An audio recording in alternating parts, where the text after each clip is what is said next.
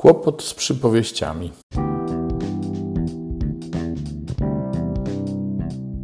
Halo, halo, tu Robert Hecyk i podcast Poznajomości. To są historie, którymi chcesz się dzielić, to są rozmowy, które łączą ludzi i to jest Jezus, którego warto słuchać. Zapraszam.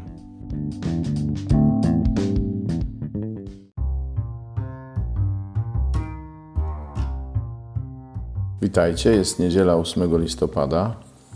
Zapraszam Was do posłuchania Słowa Bożego. Cytaty oczywiście znajdziecie w opisie tego podcastu. Życzę Wam, żeby to Słowo przyniosło w Was wszystkich obfity owoc. Ja wiem, że wielu z Was nie jest zwolennikami politycznej poprawności, więc myślę, że będziecie zadowoleni. Bo my tu o pannach innych tłumaczeniach po prostu się mówi, że jedne były mądre, drugie były głupie. A tutaj mamy taką troszeczkę polityczną poprawność, że jedne były tylko nierozsądne, ale za to drugie były roztropne. Wiecie, jaki jest problem z przypowieściami? A zaraz zresztą wam powiem. Inna rzecz mnie jeszcze interesuje na początek. Według was, co jest najważniejsze w tej przypowieści? Jedna rzecz. A? Co? Gotowość, czuwanie. Hmm. W tej przypowieści. Ktoś na czacie coś napisał? No, w tej przypowieści jest najważniejsze to samo, co we wszystkich pozostałych. Czyli po co Jezus je opowiada. Jeżeli to stracimy z oczu, no to właśnie pojawia się ten problem z przypowieściami, który ja mam. To jest taki, że jak zaczniemy przypowieści odczytywać bez kontekstu i bez tego, po co Jezus je opowiada, y, to się nam zrobi Biblia na nowo odczytana i zamiast panien głupich i mądrych będziemy mieli panny biedne i wredne. I, przy czym biedne oczywiście będą te, co nie mają oliwy do lampek, a wredne te, co im nie użyczyły. Nie? I no i mamy, i mamy już zupełnie inny klimat, że oto y, tam wysyłają je do Tesco, rozumiecie? To nie była reklama. Tylko wiecie, że Tesco już powstało przed Chrystusem, przynajmniej to w Świebodzinie. No, bo tam było już Tesco i potem dopiero powstała ta figura Chrystusa, to wiecie, nie? No, dlatego myślę, że to Tesco już było i można było robić zakupy w nocy. No, i słuchajcie, i, i w ten sposób mamy panny biedne i wredne, bo jeśli zapomnimy, o co Panu Jezusowi chodziło, to ta przypowieść jest na tyle sugestywna i te obrazy są na tyle e, takie budzące nasze emocje nawet, nie? Tudzież może momentami współczucie. Ostatnio e, modliliśmy się z Filipem i też nam się to współczucie obudziło, ale potem dopiero otrzeźwiałem, mówię, ale zaraz. Bo Jezus opowiada tę przypowieść, kiedy mówi o czuwaniu. I jak poczytacie sobie jeszcze 24 rozdział, albo potem dalej 25, to to czuwanie zamienia się w pewne konkrety. Do, do tych konkretów też dojdziemy.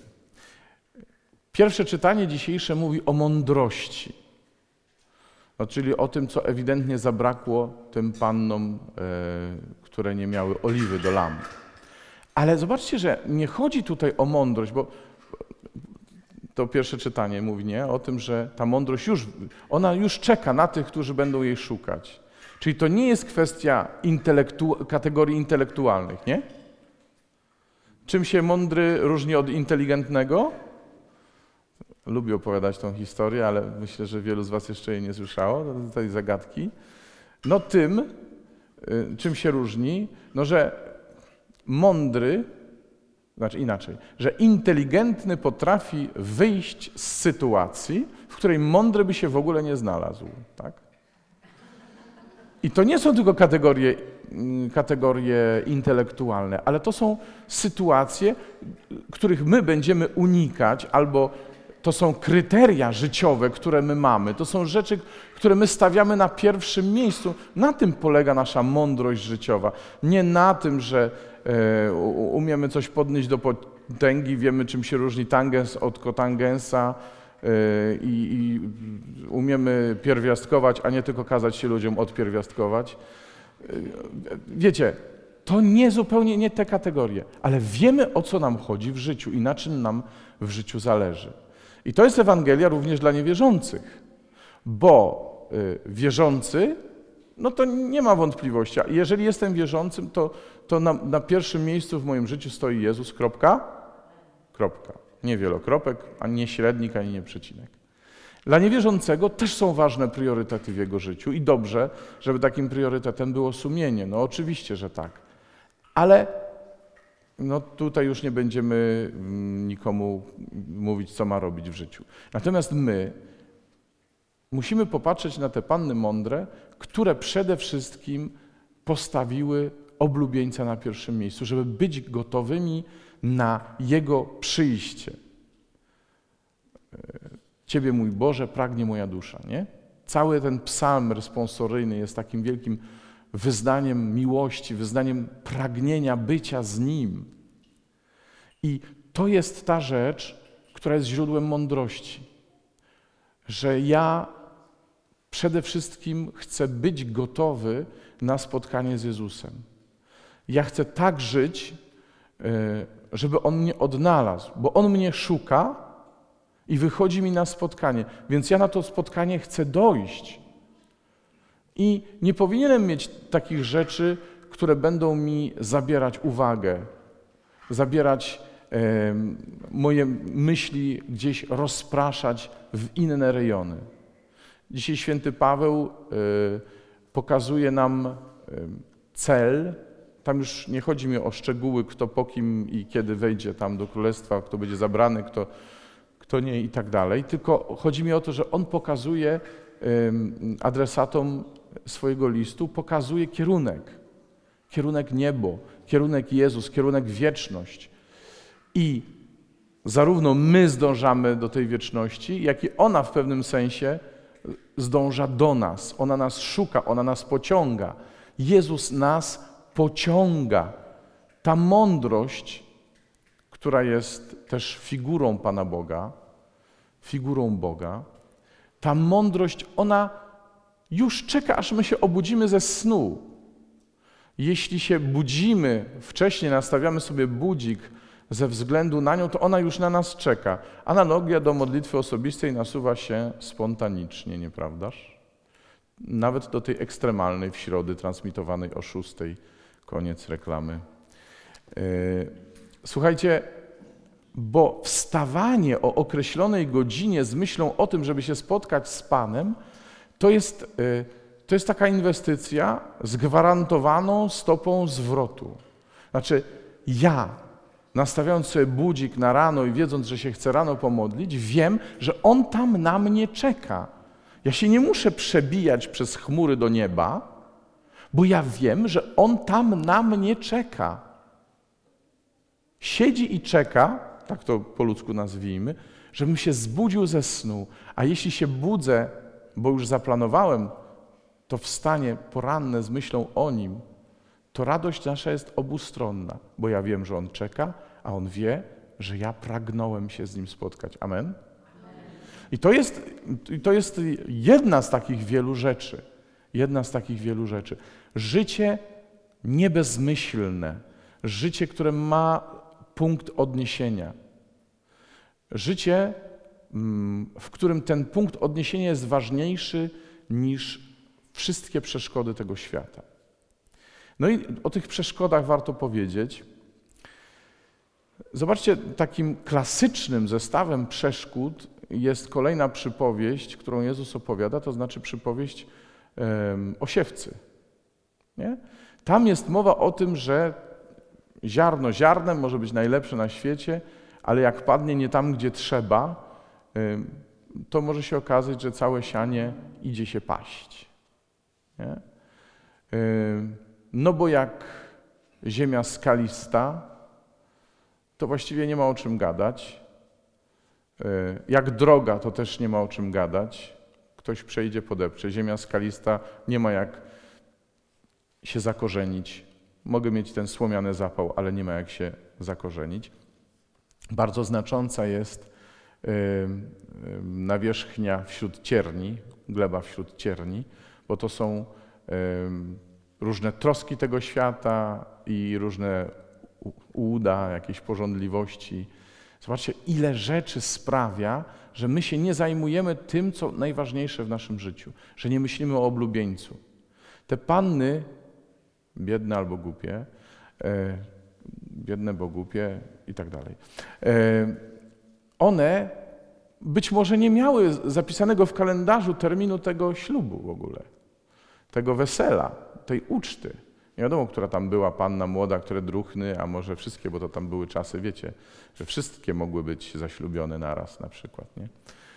Więc y, nie wiadomo, z jakiego powodu one nie miały tej oliwy, ale bardzo możliwe, że dały się rozproszyć różnym rzeczom właśnie. Y, dzisiaj jest mnóstwo takich rozpraszaczy, ale ja nie zacznę psioczyć tutaj na media, internet i tak dalej, tylko w nas jest mnóstwo takich rozpraszaczy. Bo jeśli my się damy pociągać, jeśli się dajemy pociągać różnym rzeczom, to znaczy, że w nas są pragnienia inne niż pragnienie spotkania z Nim, z Jezusem. I że za tymi pragnieniami czasami idziemy. I wtedy się dajemy rozproszyć. Albo, że mamy na przykład taką chęć pokazania siebie jako tego, który daje radę. E, a zapominamy, że my nie jesteśmy w stanie niczym, niczym, nawet najpiękniejszą lampą zdobyć serca oblubieńca, bo oblubieniec i tak jest przy nas i nas kocha. Więc trzeba tylko zrobić to minimum, e, żeby nie stracić okazji do spotkania z Nim. To minimum, czyli postawić Go na pierwszym miejscu i żyć w zgodzie z tym. Nie mówię, że mamy być idealni, ale nie rozprasza cię. Co nas może jeszcze rozproszyć? Wiadomo, no, grzech nas niewątpliwie rozprasza, ale do tego jesteśmy przyzwyczajeni. Może nas rozproszyć również pobożność. Yy.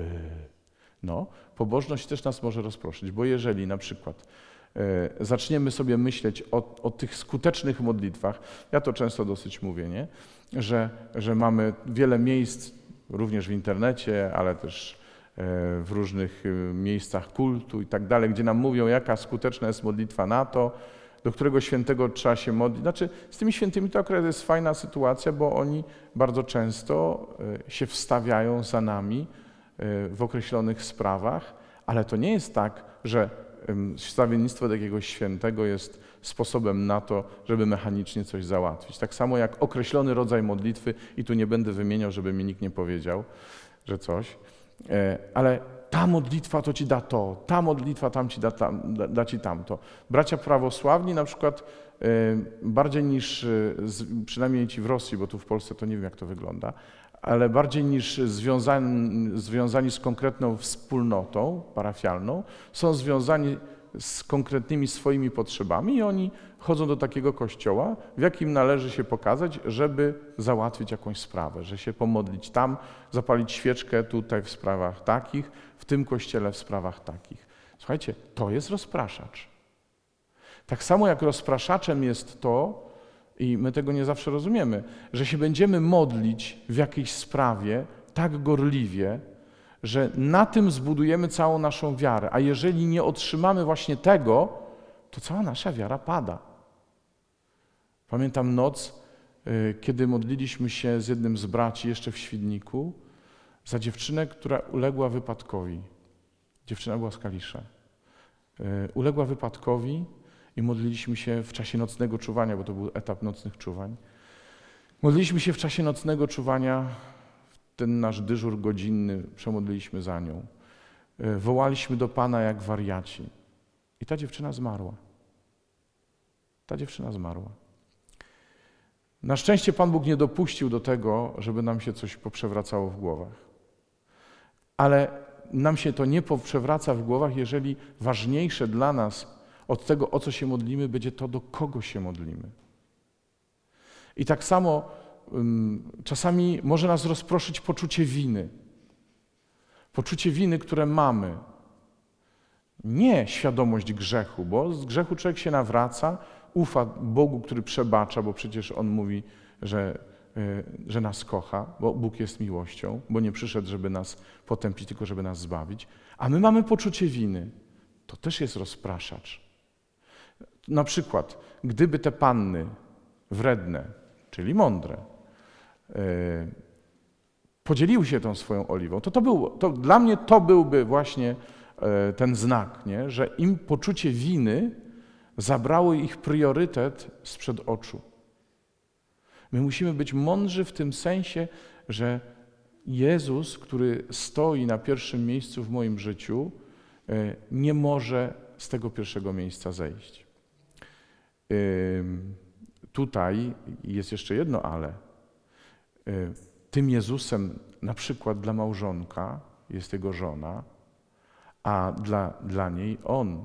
I tu nie chodzi mi teraz o jakieś ubóstwienie, tylko o to, że na przykład nie może być tak, że małżonek, mówiąc, że Jezus jest na pierwszym miejscu, będzie teraz ganiał swojego współmałżonka, żeby ten, nie wiem, poszedł do spowiedzi, albo musi zrobić to, albo musi zrobić tamto, e, albo nie zrobi mu obiadu, bo musi odmówić tą, y, wiecie co, tak długo się modlimy przez cały dzień. Nie, nie, nie, nie, nie wymawiamy w ogóle żadnej nazwy modlitwy, nie.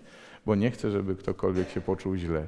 Ale rozumiecie, na modlitwę mam czas, na zwykłe domowe obowiązki, czyli na miłość do mojego współmałżonka, do mojej współmałżonki nie. To też jest rozpraszacz pobożności. Nie? Dlatego mówię, miłość do Jezusa to jest miłość do tych, których On nam zadaje, których On nam e, stawia przy nas. I w konkrecie jeszcze jeden, ostatni już, ale kluczowy konkret, który musi stać wśród naszych priorytetów, to jest to, co Jezus mówi. Jeśli ktoś chce iść za mną, a nie bierze swojego krzyża, nie jest mnie godzien. I tym krzyżem dla nas to nie jest tylko to, że nie wiem, ktoś jest chory, może być, że, że ktoś ma trudną sytuację materialną. To może być element tego wszystkiego. Ale że w tych wszystkich swoich sytuacjach ten ktoś jest wierny, wierny miłości, wierny, wytrwały w powołaniu swoim, czy to do życia konsekrowanego, czy to do życia rodzinnego, wytrwały w swoich obowiązkach. To jest ten krzyż codzienny, to jest ten krzyż, któremu był wierny sam Jezus, nie? bo on przyszedł na świat. To nie było tak, że on przyszedł na świat, robił co chciał, w pewnym momencie trzeba było umrzeć na krzyżu. No, trudno zbliża się ten moment. Nie. On całe życie żył w perspektywie tego, co miało się wydarzyć. Tego krzyża, który miał wziąć na siebie, tej śmierci, którą miał ponieść za nas.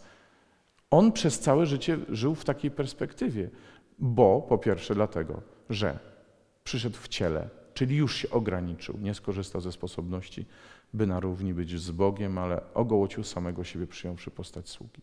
A po drugie, jak głosił Królestwo Boże, jak wzywał do nawrócenia, to nie robił tego z myślą o tym, żeby zdobyć jak najwięcej ludzi, tylko żeby ci, do których jest posłany, dali się pociągnąć ku Bogu, dali się zbawić. I był w tym bardzo uważny, bo widział prawdziwe ludzkie potrzeby, ich cierpienie, choroby, zniewolenia i w tym wszystkim był. I to było całe jego życie. Więc my, jeśli naszą perspektywą jest zbawienie, to też nie możemy na to czekać, że zobaczymy, no może nas Pan Bóg przyjmie do nieba. Ale mamy temu niebu wychodzić naprzeciw, bo ono przychodzi do nas. To jest ta mądrość, która ona sama nas szuka i daje się znaleźć. To jest ten Jezus, który przyjdzie w chwale ale potrzebuje, żebyśmy my e, wychodzili mu naprzeciw, tak jak te panny. W związku z tym nie dajmy się rozproszyć. E, niech nam nie zabraknie pragnienia. Wielu już różnych ludzi próbowało różnymi rzeczami nazywać ten olej do tej lampy. Ja myślę, że to jest to pragnienie spotkania z Nim, bycia z Nim. Jeśli tego pragnienia nam zabraknie, to nic nam nie pomoże. Cudze pragnienie też nam nie pomoże. Dlatego pragnijmy Go, e, żyjmy zgodnie z tym pragnieniem, nie dajmy sobie tego pragnienia wyrwać i niech to pragnienie ożywia nas do życia według Królestwa Bożego, według Ewangelii. Amen? Amen, amen. Dzięki Ci, Panie, za to słowo, którym nas pociągasz ku sobie. Rozpal w nas to pragnienie, niech go nigdy nie zabraknie, Panie. Daj nam zawsze żyć z myślą o tym, że Ty przychodzisz do nas, że nas pociągasz ku sobie. Daj nam, Panie, e, wyrywać się ku Tobie, ku, twojej, e, ku tej wieczności, do której nas wzywasz, ku Twojej miłości, którą chcesz rozpalić nasze serca. Amen.